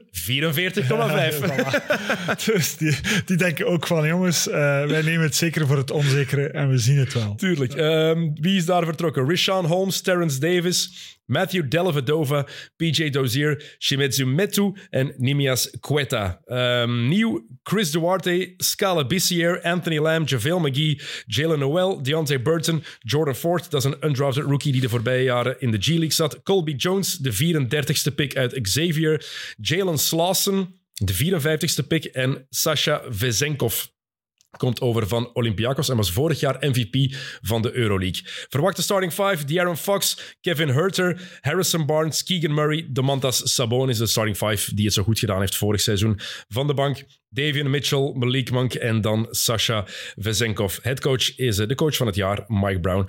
Kunnen ze hun droomseizoen van vorig jaar herhalen of daarop verder bouwen? Ik denk dat het net iets minder gaat zijn, maar wel nog goed genoeg om zeker top 6 in het Westen eh, te, kunnen, te kunnen zijn. Moeilijk. Ze kunnen even goed tiende worden. Ze gaan niet tweede worden met dat team. Mhm. Eh, maar wel cool. Eh, Waarom, waarom ook. heb je er twijfels over? Ehm, omwille van de andere teams ook, omdat, je, omdat het heel moeilijk te voorspellen is hoe goed de andere teams gaan zijn. Zij gaan stabiel zijn hoor. Zij gaan hetzelfde basketbal spelen als vorig jaar. Mike Brown, heel veel respect, heel blij voor hem. Eh, verdient ook. Ehm, heel zwaar geïnvesteerd had in zijn carrière. Ook assistant coach jobs gedaan op het moment dat hij dacht dat het beter was voor zijn carrière. Dus wel cool. Maar, eh, maar het hangt gewoon ook samen met, met de fitheid van Zion en Kawhi en Paul George. En, want dan gaan ze daarachter eindigen. Eh, Maar dat dachten we vorig jaar ergens ook. En ze waren zo goed. De'Aaron Fox was fenomenaal Ja. vorig jaar. Domantas Sabonis in de playoffs een beetje ja, de-. Sabonis zag ik... Ja, maar Sabonis zag ik niet... Dat zag ik niet komen. Dat hij zo Fox, goed was. Ja, Fox zag ik komen. Sabonis na Indiana. Dat zag ik niet komen, maar uh, supergoed gedaan. Goede team chemistry. Mike Brown ook, dat zag ik niet komen. Ja. Dat Mike Brown dit in een ploeg kon krijgen of uit een ploeg kon halen. Had ik nooit gedacht. Ja, pff, eh, heeft LeBron moeten coachen. Hè. Dat is altijd moeilijk om te... Bij de Lakers met Kobe was het ook heel snel dan de gedaan. Lakers met Kobe. En, en eh, ja, heel moeilijk om te judgen. Maar goed, eh, assistent gaan spelen in Moskou. En dan eh, ja, echt een stap terug. Assistent bij. Steve Kerr. bij Steve Kerr assistent gaan spelen. Dus je moet dat wel maar doen. Hè. Dus aan jezelf blijven werken. Dus heel blij voor hem. Ehm, maar ja, niet, niet evident om te voorspellen. Maar laat ons hopen van wel. Hè, want we zijn allemaal blij voor Sacramento. Hè, na die hele Ja. drought van hoeveel jaar was het? Eh, 2006. ja, dus eh, iedereen blij voor Sacramento. Cool team. Eh, Fox, ja, Light the Beam was cool vorig jaar. super om naar te kijken. Maar, eh, maar moeilijk denk ik om te bevestigen. Ehm, Oké. Ik had ze lager gezet. Eh, Sabonis. Eh, ik trek een streepje. Oké. Ehm, ik, denk wel, ik denk niet dat Sabonis je tweede optie kan zijn als je effectief wil meedoen. Maar in het reguliere seizoen was hij vorig jaar gewoon... Sa- Sabonis is de definitie van solide. Ja, Dat is Domantas Sabonis. Ehm, en in de goed. playoffs... En eh, moeten we het misschien nog heel kort over hebben. Maar eh, big shoes to fill, hè, als je de zoon bent van. eh, is wel goed gedaan. Er is een reden dat we Nikola Jokic vaak vergelijken met Arvidas Sabonis. Zo goed was zijn vader. hè? Ja. Dus, eh, dus big shoes to fill, goed gedaan. Echt, eh, Ehm, Keegan Murray, betere rookie gebleken vorig jaar dan mensen hadden verwacht. Want er werd wat lacherig gedaan over kiezen ze die als vierde. Blijkbaar de juiste keuze gemaakt bij Sacramento. En nu, Sasha Vezenkov. Daar ben ik heel benieuwd naar. Euroleague kan het- MVP. Goed, Vezenkov, ik heb dat net opgezocht, gedraft in 2017. Eh, ehm, al Euroleague niveau ongeveer sinds 2011, 2012. Ja, late bloomer, zullen we maar zeggen. Hè. Olympiakos een goed jaar gehad vorig jaar. Het goed gedaan. Eh, NBA. Je wordt ook niet zomaar MVP in de Euroleague. Maar dat betekent ook niet dat zich dat vertaalt naar de NBA. Nee. Dat zijn twee aparte Ja, dingen. Dat is echt iets helemaal anders. Dus ik kan het echt niet. Het is echt een stretch forward. Ehm, goed, ja, dat hangt ook een beetje af als, als shots gaan gecreëerd worden voor hem. eh, dan, eh, dan gaat hij ze wel binnenknallen. Eh, En dat gaat wel gebeuren. De'Aaron Fox die, Ja. die spurt en hij moet gewoon naar de hoek gaan. Keegan Murray aan de ene kant, Vezenkov aan de andere. Heel benieuwd. Goed, Murray, Murray die zijn broer, die zijn we daar net ergens tegengekomen. Ja. Was dat die? goeie vraag. Waar zat hij weer? Ja, het speelt geen rol, want het was een, het was een pick-up of zo. Hè. Het was een, een undrafted of... Nee, nee, eer- 21ste pick Ah. bij... Even terugkijken. Na een tijd bij Portland. Ah, Oké. Kijk, je overloopt zoveel ploegen aan een tijd. Ja, ja. Het- was een testje. Eh, niet geslaagd. Top 5. Nu wordt het heel interessant. Ik heb heel moeilijk. Ik, ik twijfel nu nog altijd wie ik op 5 of 4. Ik ga het doen uit respect voor, uit respect voor, de, voor de legacy. Ga ik deze ploeg op 5 zetten en de andere op 4. Dus de Lakers zijn vier. Op 5. Oklahoma City Thunder. Ik wil ze eigenlijk op 4 zetten, maar ik zet ze op 5, uit respect. Vorig seizoen 40 en 42. Tiende eruit in de tweede playing game tegen Minnesota. Over-under Vegas. 44,5. Echt, ja. Afscheid genomen van Jared Butler en Dario Saric. Nieuw, Vasilije Misic komt over van FS.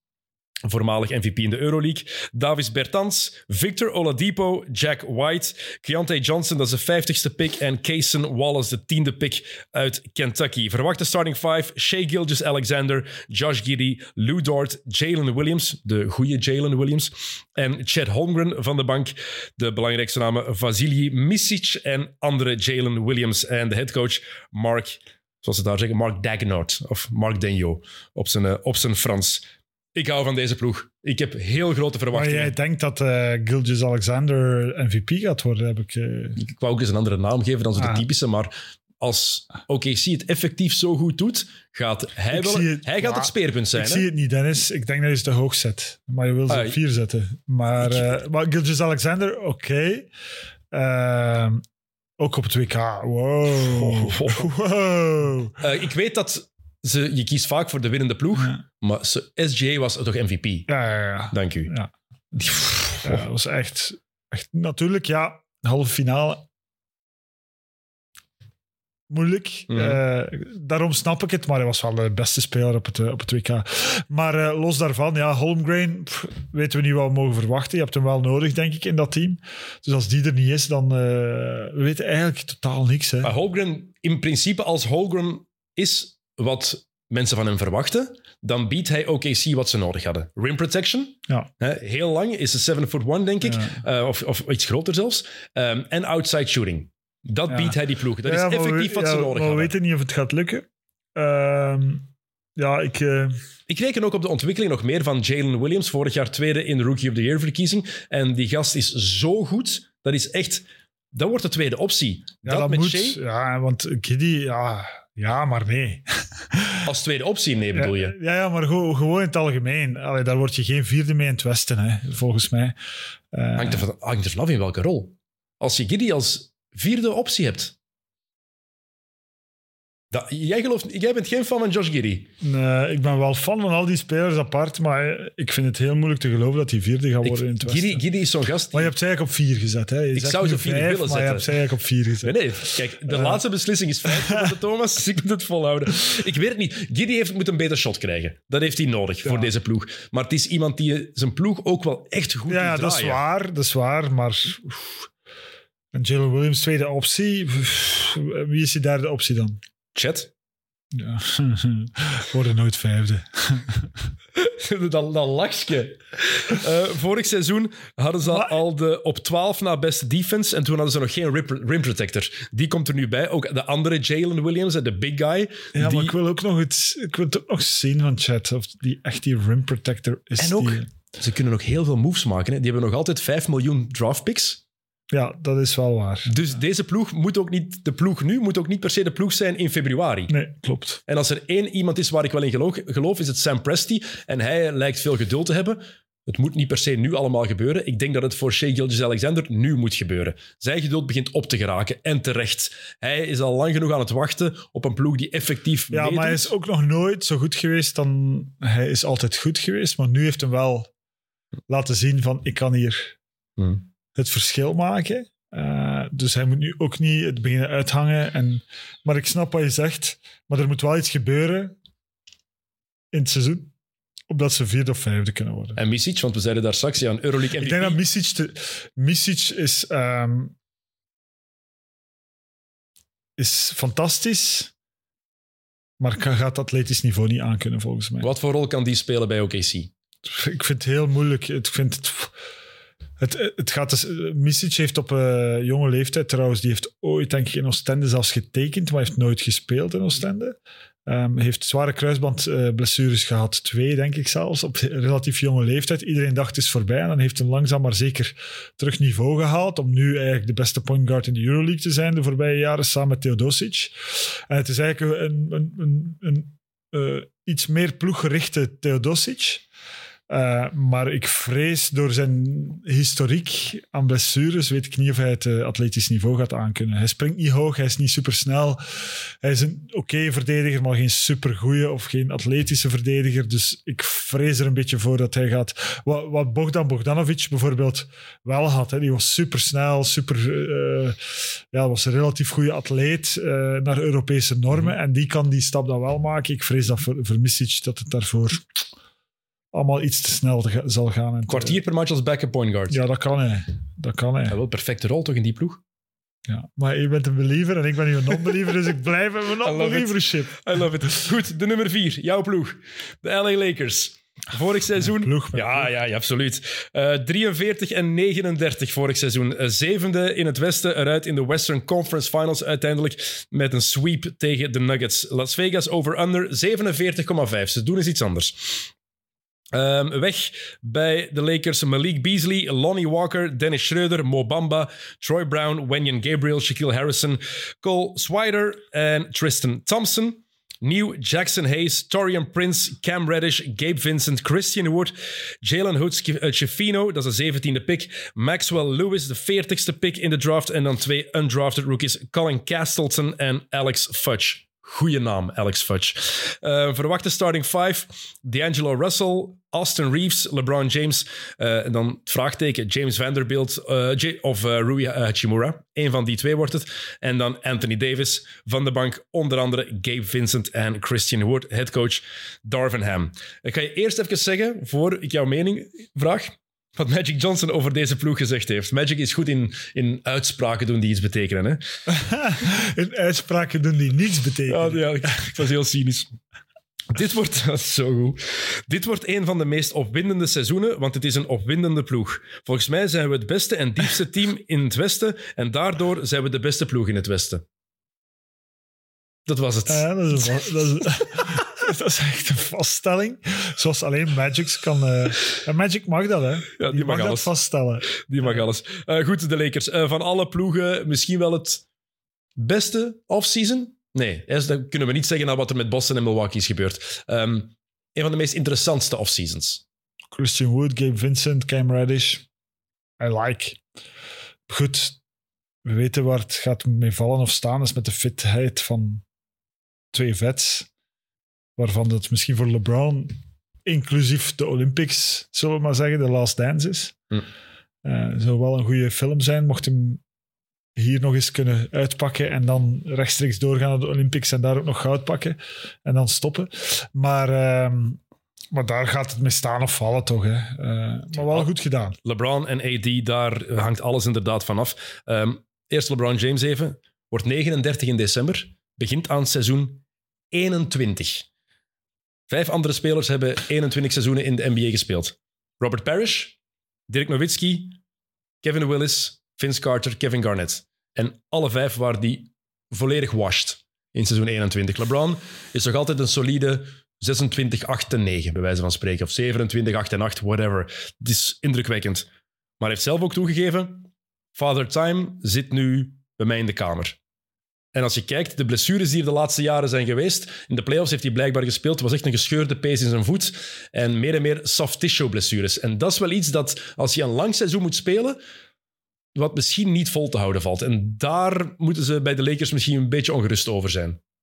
Ik denk dat ze dat zijn en dat ze dat terecht zijn. Ik denk ook dat ze ja, ook wel weten dat het de laatste kans is met LeBron. Hè. Uh, je kunt het niet, uh, de manier hij, dat hij speelt, zich niet spaart, is, ja, het is ook super belastend. Het is gewoon ook 125 kilo of zo. Hè. Dat is niet, dat is geen, uh, ja, het verbaast wel dat het eigenlijk allemaal bigs zijn. Hè. Nowitzki, Bruce Will, wie was het? Kevin Willis. Kevin Bruce Willis, Willis, Willis is Kevin Willis. Um, Enkel Vince Carter, dat is de enige. Parrish, ja, Vince Carter is de enige. Ja. Um, niet big, dat verbaast wel. Uh, en dan LeBron, ja, wat is LeBron? LeBron is een big en een small uh, in één. Maar um, ja, ze zijn zich daar wel van bewust, denk ik. Hè. en ik denk dat hij dat wel gemanaged krijgt. Ik denk dat uh, Anthony Davis een groter probleem zou kunnen zijn dan, dan LeBron. Dus, die, allee, als, ja, vier minuten gaat nooit lukken bij deze als ploeg. LeBron, ja, als LeBron tussen 60 en 70 matchen kan spelen in de regular season, zou dat een super groot succes zijn. Um, en uh, bij Davis weet je dat niet. Nee, maar LeBron, ik ben even kijken wat hij de laatste jaren eigenlijk gespeeld heeft. Want die heeft ook al wel heel wat ja, ja, gemist. Hè? Maar dan altijd zo een keer drie weken hier en een keer vier weken daar. Kijk, vorig seizoen 55 matchen, het jaar daarvoor 56, het jaar daarvoor 45. Ja, dat zijn de laatste drie seizoenen waarin hij meer dan een derde van het seizoen altijd wel geblesseerd is. En het is niet dat hij rust, hè. het zijn effectief stevigere blessures. Het is een freak of nature, maar ja, Father Time is. Maar daarom dat ik zei van tussen 60 en 70, maar daar raakt hij niet. Maar mocht dat lukken, ja, dan, dan doe je mee. Hè. Uh, Anthony Davis heeft gezegd dat het zijn doel is om alle 82 matchen te spelen. Wanneer is de laatste keer dat het hem gelukt is volgens jou? Nog nooit? Nog nooit, klopt. Meeste was 75 matchen, twee keer. In alle andere seizoenen is hij nooit aan meer dan 68 wedstrijden geraakt. Dat is, het is al van 2012 dat hij in de NBA zit. Ja, dat is een track record waar je wel effectief op kan afgaan en waarvan we echt wel kunnen zeggen: hmm, LeBron, um, AD. Dat gaat niet lukken. Gaat niet lukken, inderdaad. Nee, nee, maar goed. Dus, ah, het siert hem dat hij dat nog durft te benoemen. Uh, dat is waar. maar, maar goed, dat gaat niet lukken. Hè, dus daar gaat het allemaal mee staan of vallen. En dan kunnen we wel zeggen Gabe Vincent en, en, en Christian Wood erbij. Hè. Um, maar dat wordt Heel moeilijk. Ja, want ik heb ze uit respect vooral voor LeBron en AD. Want als ze goed zijn, ja, dan is het een top 4 ploeg. Zeker Maar wie had jij op 6 nu weer staan? Op 6 had ik Sacramento staan. En op, En op 7 zeven? Dallas. Ah, en ja. op 8 Memphis. Dus, dus Memphis wordt vierde.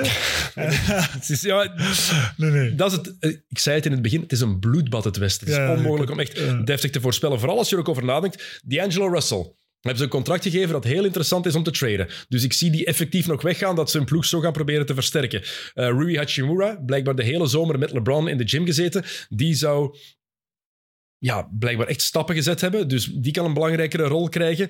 Ehm, Austin Reeves was een van de lichtpunten opnieuw bij de Lakers vorig Ja, ja. jaar. Een beetje door het ijs gezakt op het WK, omdat we zagen, oké, als ze beginnen switchen en ze beginnen hem op te zoeken, dan is hij wel iemand die ze kunnen hunten, Ja. de tegenstand. Dus dat kan ook wel gebeuren. Maar in de NBA is dat anders dan, dan in Ja. FIBA-basketbal. En Austin Reeves is in mijn ogen gemaakt voor NBA-basketbal. Ja. Ik vond het een heerlijke speler om te zien. Dus ehm, ze zijn enorm gemotiveerd door al het gepraat van de Nuggets, volgens AD. Ja, dat is vooral Michael Malone, want Nikola Jokic heeft letterlijk geen woord gezegd. Die praat niet. Alleen die praat over zijn paarden en dat is het. Dus vond ik ook heel raar ergens. Maar kunnen, als... we, kunnen we afspreken dat we eens een aparte podcast gaan doen over Jokic? Dat is goed.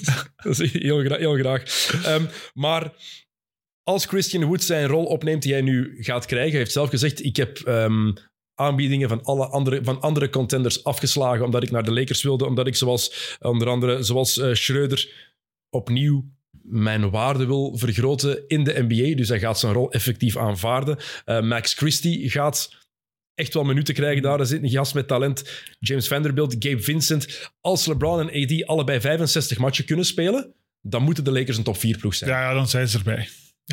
Tenzij dat LeBron nu effectief voor het eerst van die cliff gaat vallen, waar ik niet in geloof, want die is onmenselijk. Die. Ah, die is Hij gaat buitenaard. vallen, hè, maar ik hoop dat het naar Parijs is.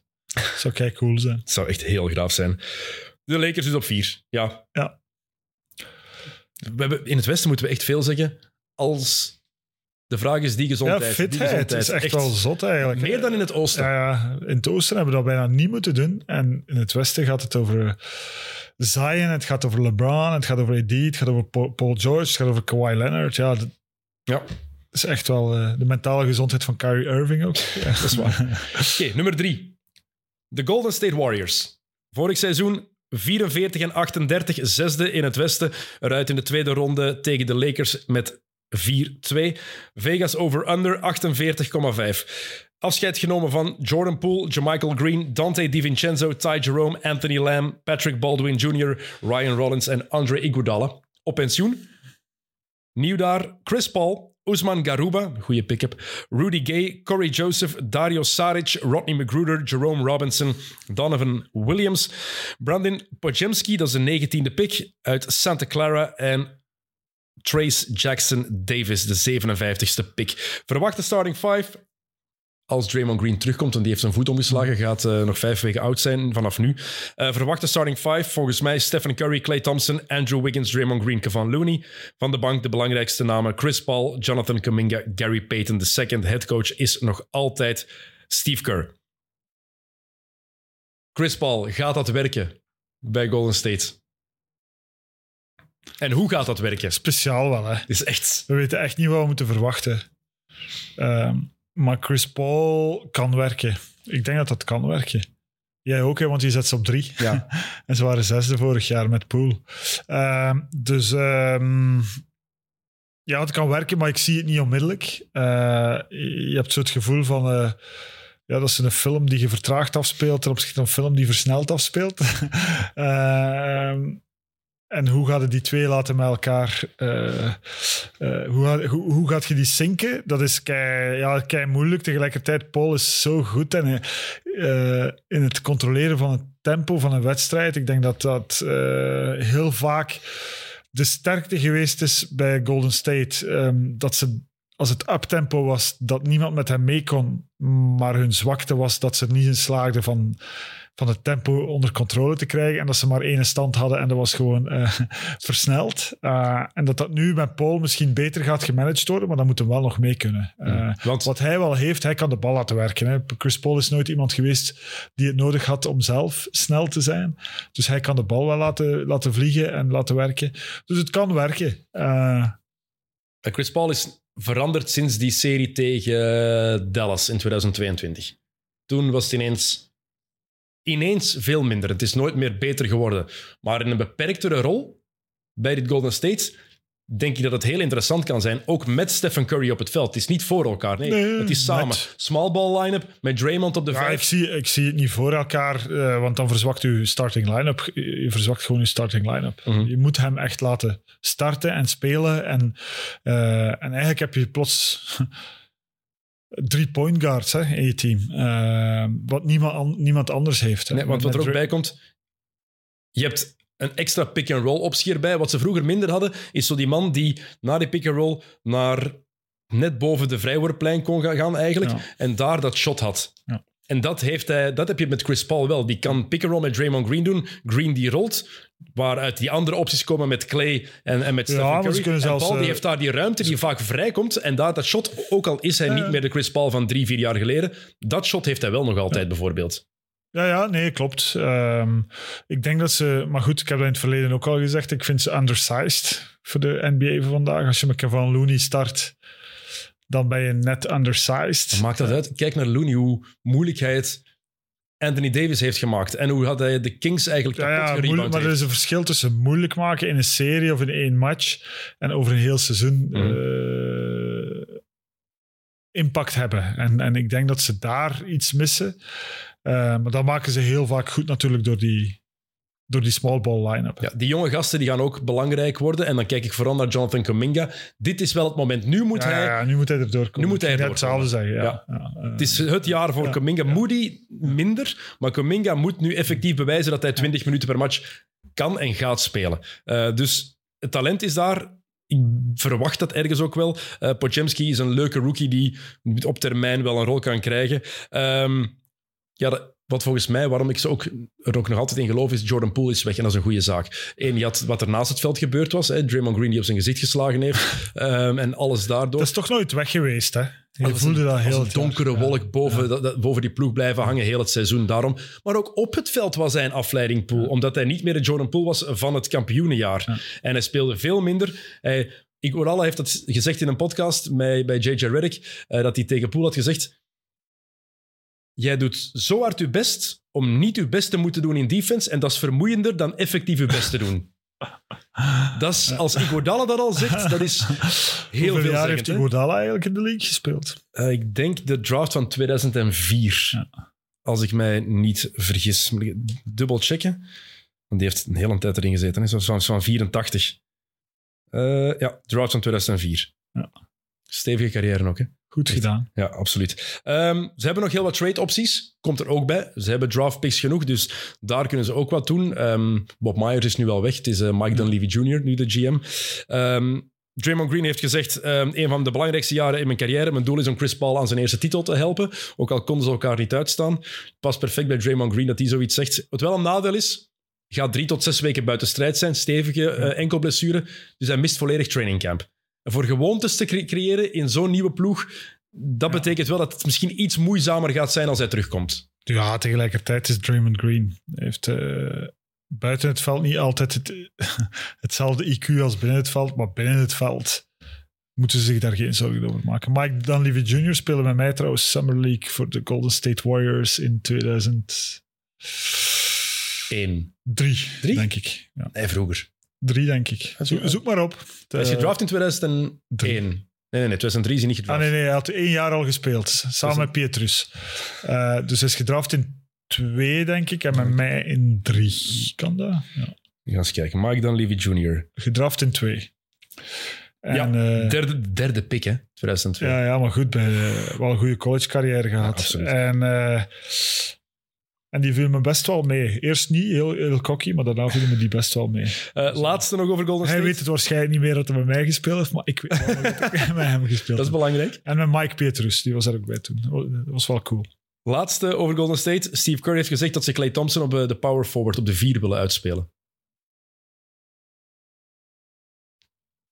Wel, ik was daar net aan het denken met Chris Paul. ehm, van zo'n pick-and-roll up top tussen eh, Chris Paul en Clay wil ik ook wel nog eens zien. Ehm, eh, hoe, hoe tegenstanders daar zouden mee omgaan. Hè? Omdat je daar toch wel op de een of andere manier een mismatch gaat eh, creëren waar Clay wel iets mee kan. Dus nee, ik ben benieuwd. En Clay gaat iets willen rechtzetten na zijn slechte, vreselijk slechte serie tegen de Lakers. Ja, je zet Clay op vier en je speelt pick-and-roll. Ja, Oké, goed. Ehm, top 2. Nummer 2, de Phoenix Suns. Vorig seizoen 45-37, eh, vierde eruit in de tweede ronde tegen de Nuggets in zes matchen. Vegas over-under 52,5 overwinningen. Afscheid genomen van DeAndre Ayton, Chris Paul, Campaign, Terrence Ross, TJ Warren, Landry Shamet, Jock Landale, Torrey Craig, Bismack Biombo en Darius Baisley. Nieuw bij de ploeg, Bradley Beal, Yusuf Nurkic, Nurkic Grayson Allen, Nasir Little, Keita Bates Diop, Yudoka Azubwiki, of Azubwik, ik weet eigenlijk niet hoe je dat juist uitspreekt. Eh, Drew Eubanks, Jordan Goodwin, Keon Johnson, Chimezi Metu, Yuta Watanabe en de nieuwe coach Frank Vogel. Verwachte starting five, Devin Booker en Bradley Beal op de guards, Josh Okogie, Kevin Durant, Yusuf Nurkic of Nurkic en dan sixth man, drie belangrijkste namen van de bank, Eric Gordon, Grayson Allen en Nasir Little, headcoach dus Frank Vogel. Ja, dit is al in om nu kampioen te spelen. Ja. Het moet nu gebeuren. Ja. Geen enkel excuus. Ja, klopt. Ehm, maar het kan, hè. Ehm, het is een shitload aan talent gewoon. Goh. Eh, Het is echt zot. Eh, dus het kan echt, maar het kan ook fout lopen natuurlijk. Maar, eh, maar ja, het is wel een goede poging, eh, moet ik zeggen. Ook Nurkic nog eh, in die trade vind ik wel goed, omdat u daar een optie, ja, gewoon een, zeker in een serie, is dat iemand die je wil. Eh, Beter dan die- eten voor die ploeg? ja, ja lijkt me wel. Ehm, hij heeft een aantal dingen die Eten ook heeft, maar hij, hij heeft niet de nood om offensief. Uh, Nurkic, zijn, zijn punten en zijn, zijn rebounds gaat hem sowieso nemen en zijn punten als die er al zijn. En hij heeft ook niet die nood om die te scoren, want die hebben ze niet echt nodig. Ze hebben een one-two punch eh, van 60 punten en dan nog... Een eh, one-two-three punch van... ja, een one-two-three punch van 85 punten. Eh, en dan nog Eric Gordon daar eh, eh, nog, nog eens bij plots. En eh, ja, dus je weet dat daar niet het probleem gaat liggen. Maar je krijgt wel eh, een, een vorm van eh, agressief leadership eh, die Nurkic wel brengt. Die je als je een titel ambieert wel kan gebruiken. Ehm, En ik denk dat het verschil met eten vooral ook is dat Nurkic zijn rol gaat willen aanvaarden. maar Een beperkte rol. een, Eten wilde zijn touches hebben in de post. ja, Nurkic, die wil gewoon winnen. Maakt niet uit dat wat bedoel hij ik met, eh, dat, met dat leadership. Dat is gewoon van, ik zal wel doen wat hier van mij gevraagd wordt. En als ik een, ze een wafel moet geven, zal ik hem een wafel geven. Hè, want in Bosnië zijn we dat gewoon. Eh, maar, eh allee, bij wijze van spreken. Hè. Maar, eh, maar ja, dat heb ik wel graag. En ik, vind dat wel, ik, vind, ik vond dat wel passen toen ik dat zag. Bij, bij het team dat ze, staan, dat ze hadden, dacht ik van, oef, dat is wel nog misschien een puzzelstukje dat ze ontbraken. Wel veel blessures gehad, ook de afgelopen jaren natuurlijk. En wat ik ze ook wel vaker ga zien doen, is met KD op de vijf spelen. Heel small bal en lopen. En dan heb je ja, puur offense. hè. Ja. Moeten we ons vragen stellen bij de coach, Dennis? Ik denk het niet. Frank Vogel heeft bewezen Dat met, hij het kan. Ja, dat hij het kan. Met de Lakers in zijn eerste jaar meteen de titel gewonnen. Hij heeft bewezen dat hij daar een defensieve ploeg kan neerzetten ook. Eh, dat is nodig bij dit team, want defensief, als je ze individueel bekijkt, is het defensief niet goed. Maar Frank Vogel is daar zo slim in dat hij volgens mij iets gaat bedenken waardoor die ploeg defensief niet goed wordt, maar minder kwetsbaar. Wat ik me vragen bij stel is bij de point guards. Blijkbaar gaan Devin Booker en Bradley Beal dat afwisselen. en dat vind ik niet het beste idee. Ja, maar wie is de point guard? Ze gaan het effectief afwisselen, die twee, Beal en Booker. Ja, maar Booker wie heeft is al- volgens jou dan de point guard? Hebben ze niet. Nee, ze hebben geen point Dat is guard. het probleem. Ze hebben effectief geen point guards. Ook op de bank, Damian Lee is dan de backup. Ja, nee, dat is ook geen spelverdeler. En daar zou ik mij zorgen over maken. Ja, toch als je van Chris Paul komt. En Devin Booker is gewoon geweest van... Het, eh, de pointpositie is niet voor mij en het spel verdelen. Ik moet gewoon 30 punten scoren en dat kan ik als de beste. Eh, ja, te, ja te, te- af te wachten, maar goed. Het voordeel het is, is, wel, een- het is wel een nice try. het voordeel is Booker heeft het een paar jaar gedaan. Echt Ja. de point gespeeld. Dus Ja, hij dat- heeft daar ervaring in, hij kan dat. Maar ik, het is Ja, niet het de- ideale scenario voor dit team. Nee. En ja, maar het is... Maar de druk op Boeker gaat ook minder groot zijn dit jaar, lijkt me. Eh, omdat ze zo goed zijn en met Beal en, en, en nu Durant een, een volledig seizoen hopelijk ehm, ja, toch die opties hebben waardoor dat, dat wel kan werken. En je kan ook altijd één... Het voordeel dat ze met die drie zijn, dat er ook altijd één iemand op het veld kan blijven staan. Ofwel Booker, ofwel Beal, ofwel Durant. Als die fit blijven, en altijd een heel belangrijke, belangrijke factor. Maar als die fi- fit blijven, dan hebben ze altijd één van de drie die daarop kan blijven staan. En pff, de offensieve wilde die daar is, dat is, ja, dat is, dat is Ja. onwaarschijnlijk. Eh, Ik denk dat de kern ook breed genoeg is om in het reguliere seizoen het vol te houden. En in de playoffs, we hebben het er daar straks over gehad, ja, ze hebben maar zeven spelers nodig. Hè. Dus dan boeit het weinig. Heel interessant om te zien. En stel je eens voor dat die gewoon effectief allemaal hun... Ik ben wel benieuwd hoe ze dat gaan verdelen. Want Beal is de derde optie. Ja. Weten we allemaal. Hoe gaat die die rol aanvaarden? Misschien na al die jaren in Washington dat het zo slecht is geweest dat hij het oké vindt, maar... Heel Ja, benieuwd. Als ze zich niet kunnen wegcijferen. Of als Biel zich niet kan wegcijferen, want de andere twee hoeven dat niet te doen, ja, dan, dan hebben ze een probleem. Maar ze gaan wel voor een titel. Ik, ik ga er dan vanuit dat je dat kan. Eh, ook als je Bradley, Bradley Beal bent, hè, hoe oud is Bradley Beal ondertussen? Toch ook, eh, Ook van de draft van 2012. ja, ik ging zeggen rond hij- early 30s. Ja. ja zoiets. Ehm, Oké, laatste ploeg. Ik moest respect hebben voor de, voor de champs. Dus de Denver Nuggets op één. Vorig seizoen 53 en 29, eerste in het Westen, NBA-kampioen. Vegas over-under, 52,5 overwinningen. Afscheid genomen van Bruce Brown, Jeff Green, Thomas Bryant, Ish Smith en Jack White. Nieuw bij de ploeg, Justin Holiday, Jay Huff, Braxton Key, Jalen Pickett, dat is de 32e pick uit Penn State, Julian Strother, dat is de 29e pick uit Gonzaga en Hunter Tyson, de 37e pick van deze draft uit Clemson. Verwachte starting five, Jamal Murray, Kentavious Caldwell-Pope, Michael Porter Jr., Aaron Gordon en Nikola Jokic, de starting five van eh, het kampioenjaar gewoon. En dan de belangrijkste namen van de bank, Christian Brown, en Reggie Jackson. Headcoach is Michael Malone. Ehm, de kern is iets minder sterk geworden. In de breedte zijn ze wat verzwakt. ja. Maar moet dat een, gaat dat een zo grote impact hebben dat deze ploeg niet meer bovenaan gaat meedoen? Ik denk het niet. de, de stijl van basketbal die ze spelen, heeft dat ook niet helemaal nodig. Eh, lijkt me. Ik maak me meer zorgen over de mental state van eh Nikola Jokic. Mhm. Die even het- een zomer beleefd heeft alsof hij op pensioen is. Speelt hij nog wel graag? Doet hij dat nog graag? ik, ik stel me die vraag echt. Hè. Eh, Vindt hij de NBA wel tof? Ik weet niet of je dat tof vindt. Eh, Ik denk het niet. Het spelen zelf, op het veld waarschijnlijk wel. Ja, en Maar alles daar rond. Ja, nee, dat vindt hem niet tof. Maar goed, eh, hij houdt het wel vol. Maar als je dus in de zomer nu bekijkt... allee, het begon al eigenlijk bij het titelfeest, hè, dat hij eigenlijk niet wilde bij zijn. Eh, en hij heeft meer tijd op de renbaan in Napoli doorgebracht... eh, waar zijn paarden staan of raceten, eh, dan, eh, dan in de gym. En je ziet het er ook aan. En je hebt het gevoel van, "Oeh, het is even genoeg geweest en geef me even. Eh, alle respect daarvoor, hè, want uiteindelijk zet je eh, back-to-back MVP geweest. Je hebt nu een titel gewonnen. Dus, eh, maar goed, moeilijk. Ehm, en daar stel ik mijn vragen bij. Ehm, en dat gaat dan niet alleen over, ja, dat gaat over mentale fitheid, maar ook fysieke fitheid. Want dat gaat zijn impact hebben op, op het seizoen. En als je dan kijkt hoe weinig diepte ze hebben, dan zijn ze heel erg afhankelijk toch van hun one-two punch. Murray, die al die historiek heeft, en dan Jokic, waarvan je elke keer afvraagt van hoe kan het eigenlijk dat daar niks mee gebeurt en eh, dat hij fit blijft. Eh, en dan wordt het natuurlijk een heel ander verhaal. Daarom dat ik ook heel hard getwijfeld heb. Een van de grote redenen dat ik ze op, dat ik ze op één heb gezet is één. Titelverdediger. Kan je alleen maar respect voor hebben. Beste one-two punch in mijn ogen ook, hoe die samenwerken. Jokic en Murray. Maar ook Jokic maakt iedereen rond hem zoveel beter dat die mindere namen, of die rookies die eraan komen, dat die volgens mij ook altijd een niveau gaan stijgen en boven zichzelf gaan uitstijgen en beter worden dan ze eigenlijk zijn. Puur en alleen door met Jokic samen te spelen.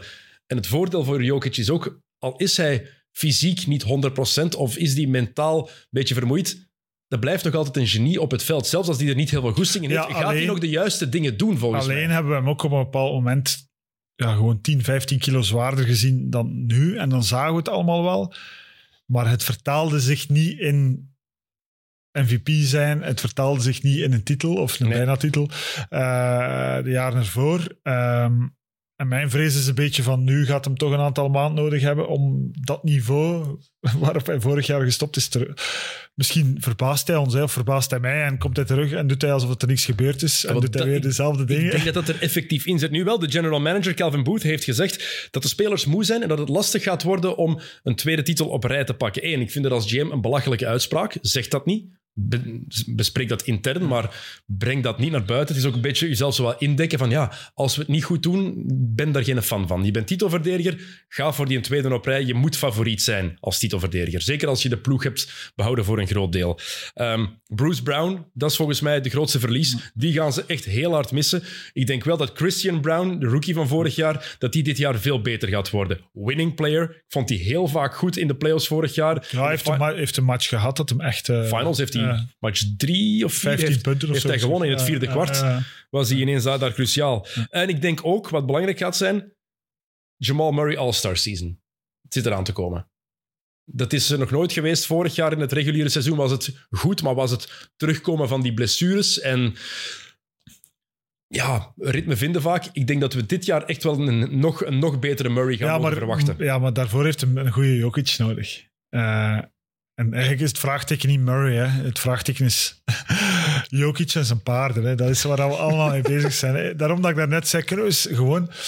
We zouden echt eens een podcast moeten doen volgend jaar over de zomer van Nikola Jokic. Hè. Dat we die documenteren en Alles dan eens hij alles heeft. bespreken wat hij in die zomer gedaan heeft, wat niet basketbal gerelateerd is. De barbecues, de feesten, op tafel dansen, eh, zelf op een paard zitten, eh, zijn paarden verzorgen. Ja, wat die allemaal doet, hè. je ziet soms foto's van op vakantie dat je denkt van wow, die gast moet echt heel mentally healthy zijn om zo te durven rondlopen als eh, MVP van de NBA zonder enige gêne in een vuile t-shirt, op zijn flipflops, op zijn Havaianas. Daar ben ik wel jaloers op soms. Ja. Hoe die in het leven staat, ik heb daar heel veel bewondering Ja. voor. Het is, alles glijdt van hem af. Ja, Die mensen, volgens mij, het komt echt over alsof hij gewoon ja, heel content is met wat hij heeft. Het enige wat hij af en toe moet gaan doen, dat is een nadeel, dat is gaan werken. En dat is dan toevallig in de NBA spelen. Ja. Dat is waar. En de Nee, beste klopt. van de wereld zijn. Ja, maar je moet maar zijn broers zien om te snappen dat toch wel een heel particuliere situatie Hij heeft zelf gezegd ehm, dat hij deze zomer eh, de bal maar een paar keer heeft aangeraakt. Not much. Of dat waar is, dat is iets anders natuurlijk. Eh, Michael Porter Jr. is blijkbaar gezonder dan hij in jaren is geweest, fysiek. Ik denk niet dat hij dat nu nog gaat zeggen om zomaar iets te zeggen. Dus dat is ook een heel goed teken. Als Michael Porter Jr. ook fit is, dan zie ik de Denver ook in het reguliere Ja, seizoen als ze andere fit dingen zijn, doen. als ze fit zijn, dan zijn ze machine.